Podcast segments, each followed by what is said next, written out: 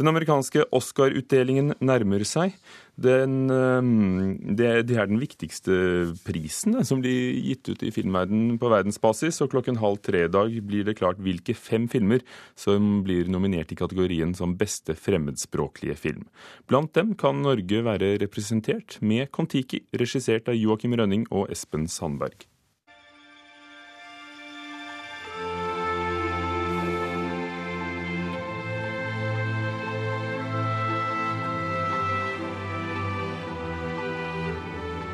Storfilmen Kon-Tiki om Thor Heyerdahls ferd over Stillehavet på en flåte fikk gode anmeldelser og ble den mest sette norske filmen på kino i fjor. I dag kan den være ett skritt nærmere en av filmverdenens gjeveste priser, amerikanske Oscar. Jeg tror faktisk den kan eh, bli en Oscar-kandidat. Eh, når jeg så den, så ble jeg positivt overrasket uh, hvor bra den egentlig var. Jeg håper jo at den blir nominert. Jeg gjør det. Krysser fingra for det. Publikum NRK møter på Filmens Hus heier fram Kon-Tiki på ferden mot en Oscar-statuett i februar. Men ikke alle er like overbeviste om at den blir nominert. Nei. Nei. Nei.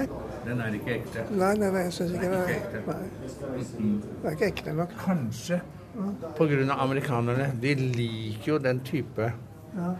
regissering etc. Ja. ja. Amerikanerne, for de er jo litt spesielle. Bare fire norske filmer har klart det tidligere.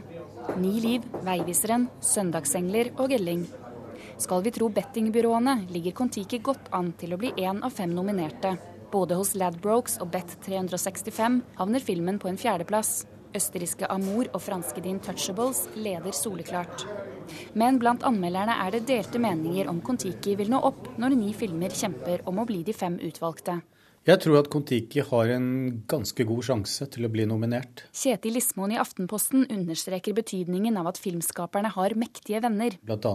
Harvey Weinstein, en kjent og legendarisk eh, produsent, som ser til at mange får sett filmen din. For det er jo den fremste forutsetningen for at, eh, for at du skal bli nominert. Også Borghild Måland i VG tror filmen har gode sjanser. De som sitter og bestemmer i den kategorien fremmedspråklig film, det er ofte eldre mennesker. Og de har sans for en god historie. De er amerikanere som liker drømmere og folk som får gjennomført sine drømmer.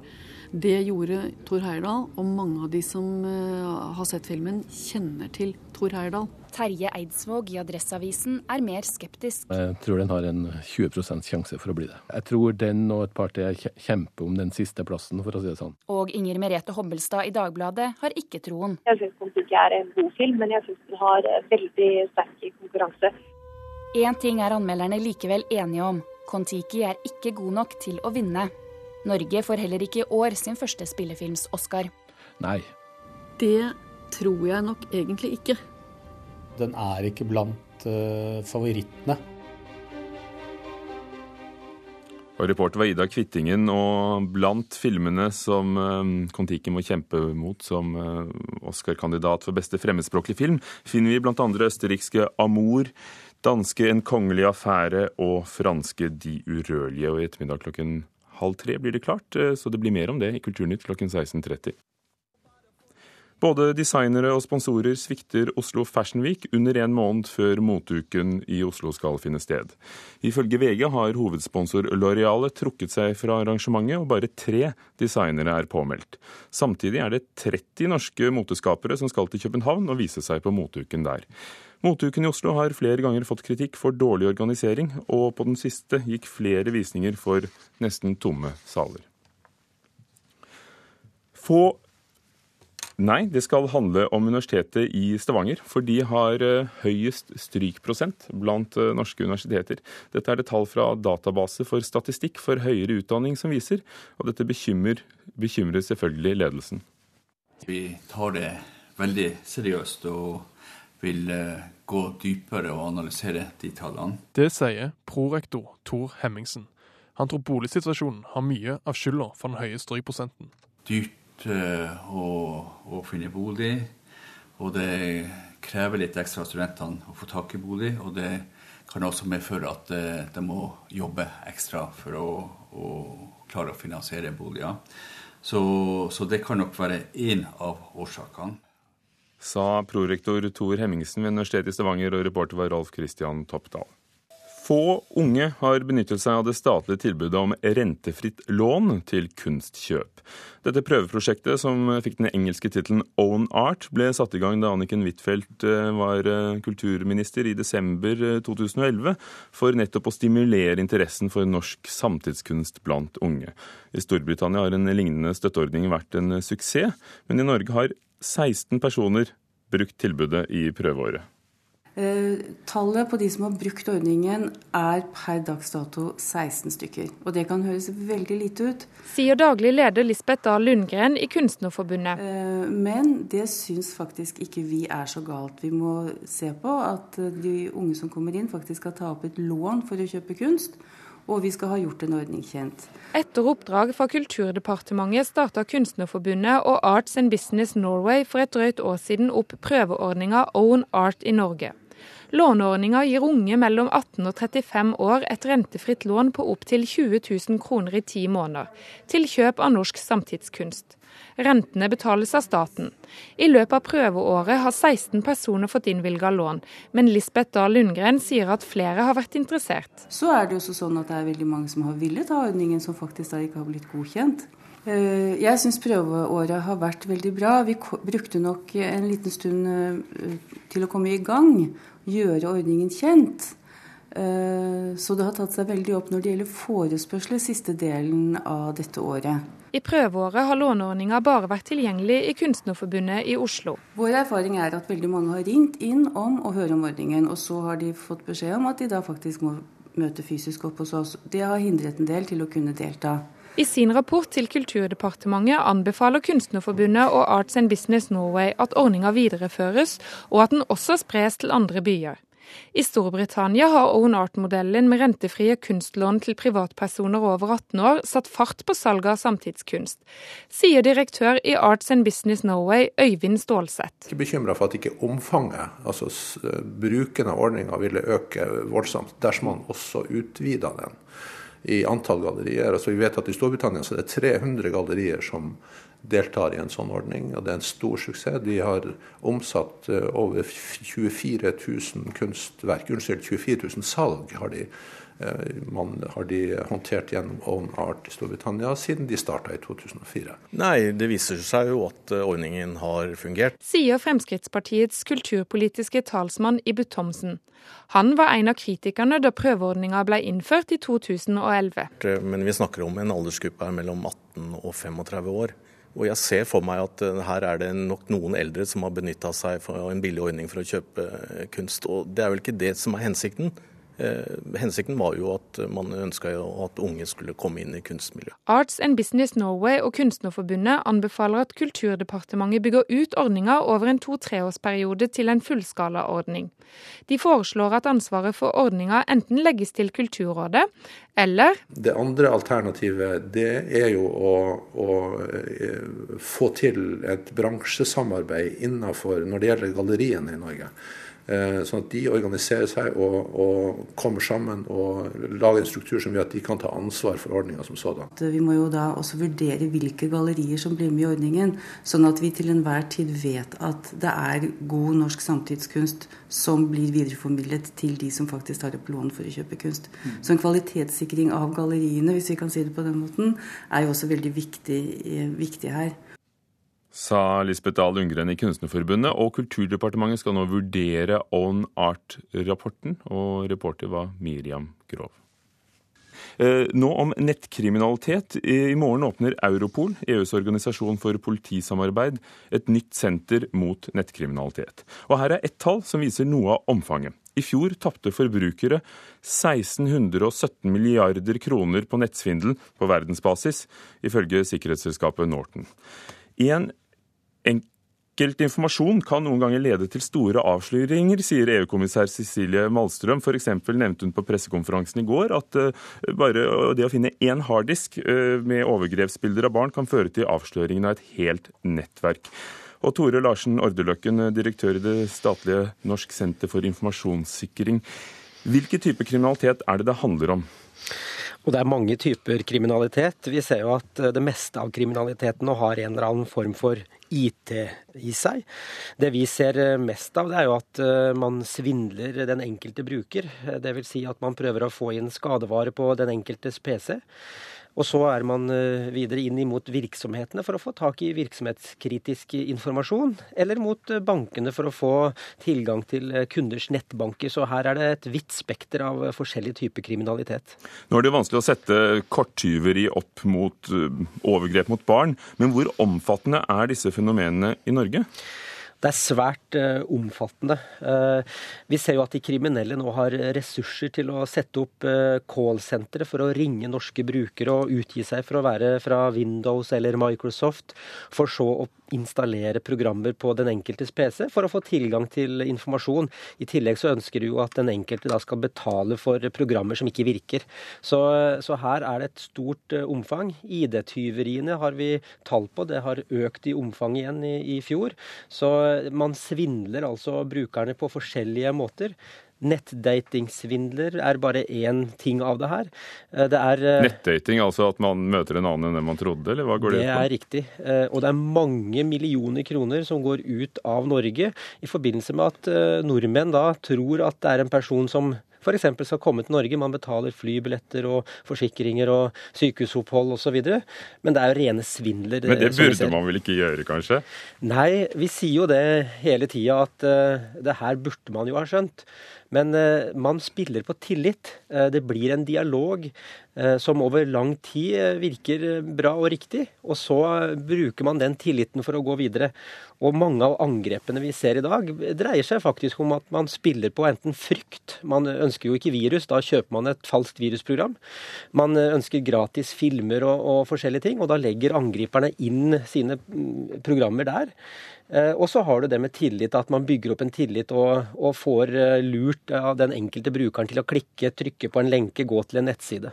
Hvordan tror du at dette senteret, EC3, European Cybercrime Center, som skal åpne i morgen, eh, vil påvirke bekjempelsen av disse fenomenene i Norge? Det vil hjelpe, fordi vi ser at nettkriminalitet, der er det ingen landegrenser. Og det er vanskelig for det enkelte land å ettergå de her kriminelle. Derfor er det òg vanskelig å, å, få pådømt og tatt de. Hvis man har en, en, koordinert enhet som faktisk kan hjelpe den enkelte land, så tror jeg at det her har stor påvirkning. Fordi det er ofte organiserte kriminelle bakmenn, og, og de er det jo få av. Eh, men så er det veldig mange som utøver kriminaliteten. Så jeg er eh, glad for at vi nå får et eh, senter som kan gjøre en bedre koordinering av arbeidet. Men hva kan vi gjøre? Mange legger ut personlige opplysninger på nett, særlig sosiale nettsteder. Er folk uforsiktige? Ja, det kan vi nok si når vi ser på spredningen av nakenbilder, spredningen av personlig informasjon. De sosiale mediene er nok i en tidlig fase. Vi har, vi har en sånn innkjøringsfase nå hvor, hvor, det med personvern, etikk og moral kanskje er litt uh, lite modent. Så jeg tror at vi har en del å lære i forhold til hvordan vi bruker de sosiale mediene. Men uh, vi ser en eh, bedring, og, og, mange av de unge vi snakker med, både gjennom Slett meg-tjenesten som vi har, og ellers, de, de, viser nå at her er det en, en, læring, og at de, de blir stadig mer tankefulle i forhold til hvordan de skal bruke de sosiale mediene. Takk skal du ha, Tore Larsen Nordeløkken ved Norsk senter for informasjonssikring. Det blir fransk langsom forelskelse på norske kinoer i helgen. Mennesker som ikke får til å leve sine liv eh, hver for seg, kan få til noe sammen. F.eks. i denne filmen kan en manns femårige sønn føle seg tryggest i hundehuset. Rust og bein heter denne rare filmen, og den er utsøkt, sier vår anmelder Einar Gullvåg Staalesen. Rust og bein er en god film. Manusforfatter og regissør har innsikt i stoffet. Filmen er i balanse på alle måter. Uttrykkene passer sterke. Bildevalgene skaper tillit til situasjonene.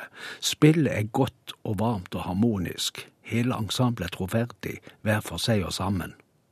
Musikken er raffinert. Musikken er et innhold, ikke et pålegg av stemning. All lyd her kan treffe oss psykologisk. Jeg føler at den gjør det. Handlingen er ikke viktig, her er det tilstandene som opptar oss.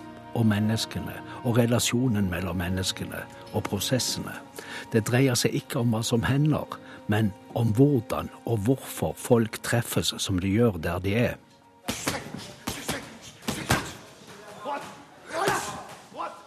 Midt oppi alt det uoversiktlige og uransakelige utvikler det seg en forelskelse som er akkurat like kompleks som de andre psykologiske prosessene.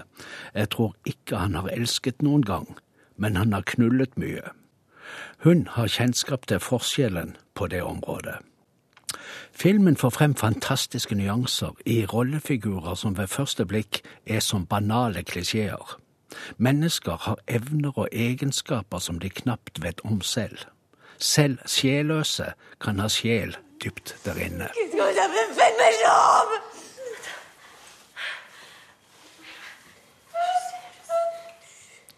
En fem år gammel gutt vokser opp med en far som ikke er moden for rollen.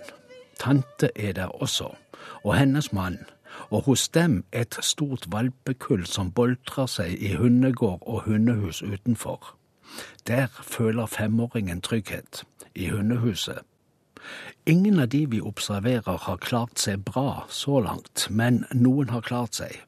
Flere klarer seg fortsatt ved å ramme andre. Én lever av å installere videoovervåkning på arbeidsplasser. Det som fanges opp av skjulte kameraer, kan føre til at en rekke medarbeidere i mange ulike bedrifter blir sparket.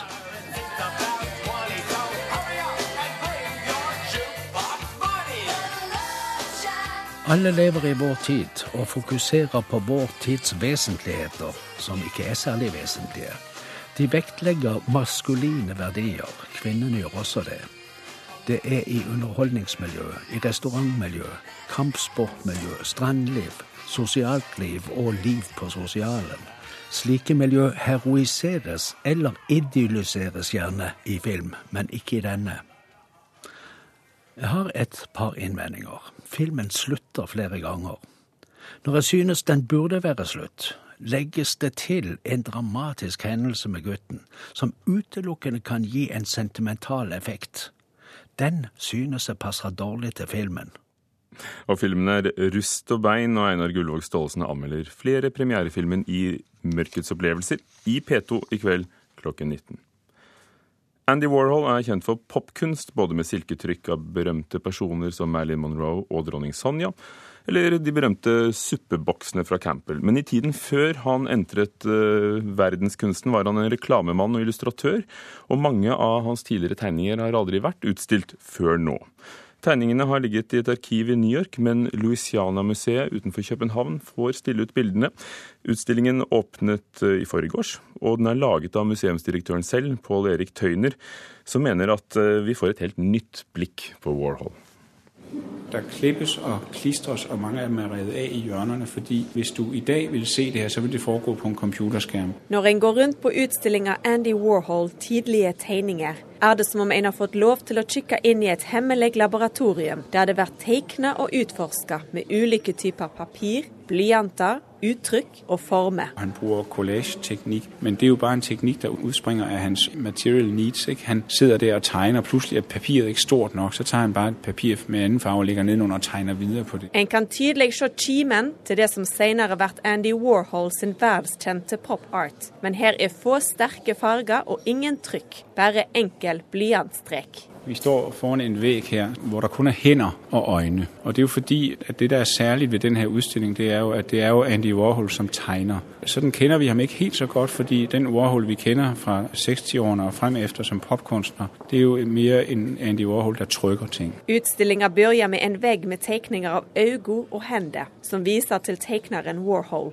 Men øynene illustrerer òg Warhol sitt særegne blikk for stereotyper. Alt hva du ser på denne utstillingen, det er jo scener av den menneskelige komedie eller tragedie som Warhol har sett. Og Det der er særlig ved hans blikk, det er at han hele tiden ser stereotyper. Er det litt tilbake til den reklametiden? Det er, jo det, det er jo det, fordi reklame handler jo ikke om å fremstille en person som du godt kunne tenke deg å møte individuelt. Det handler jo om å fremstille en type som du godt tenke deg er. Tøyner mener tegningene er en nøkkel til å forstå Warhol sin popkunst, fordi de synes så stor interesse for det menneskelige. Det der kommer til verden i de her tegninger i det ti år, det er jo et bestemt blikk på verden. Og Det er derfor det her det blir en nøgle til Warhols popkunst. Altså Utover at tegningene i seg selv er fantastiske. Det er så stor interesse for det humane, for det menneskelige. Og den mener jeg faktisk, den interesse finnes også i popkunsten.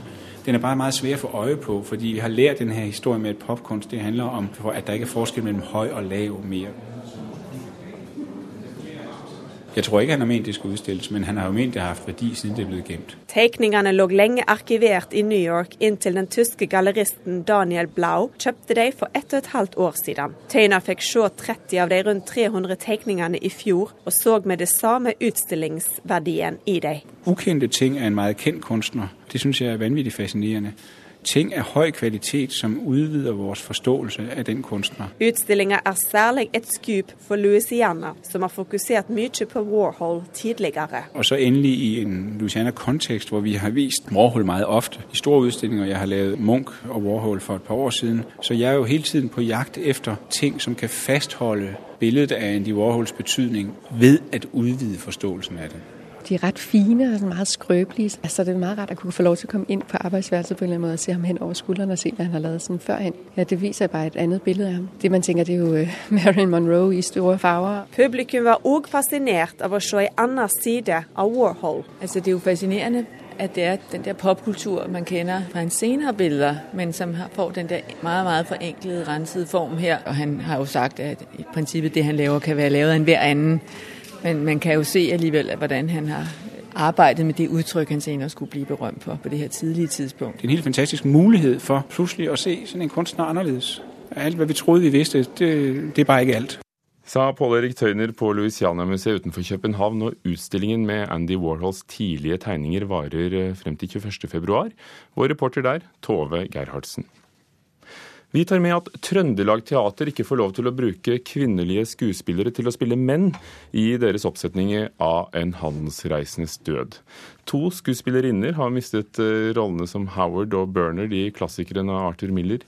Fordi rettighetseierne setter ned foten, skriver Klassekampen i dag. Og teatersjef Christian Seltun reagerer på at de er så strenge, og sier teater ikke prøvde å gjøre noe politisk ut av to små mannsroller ble spilt av kvinner.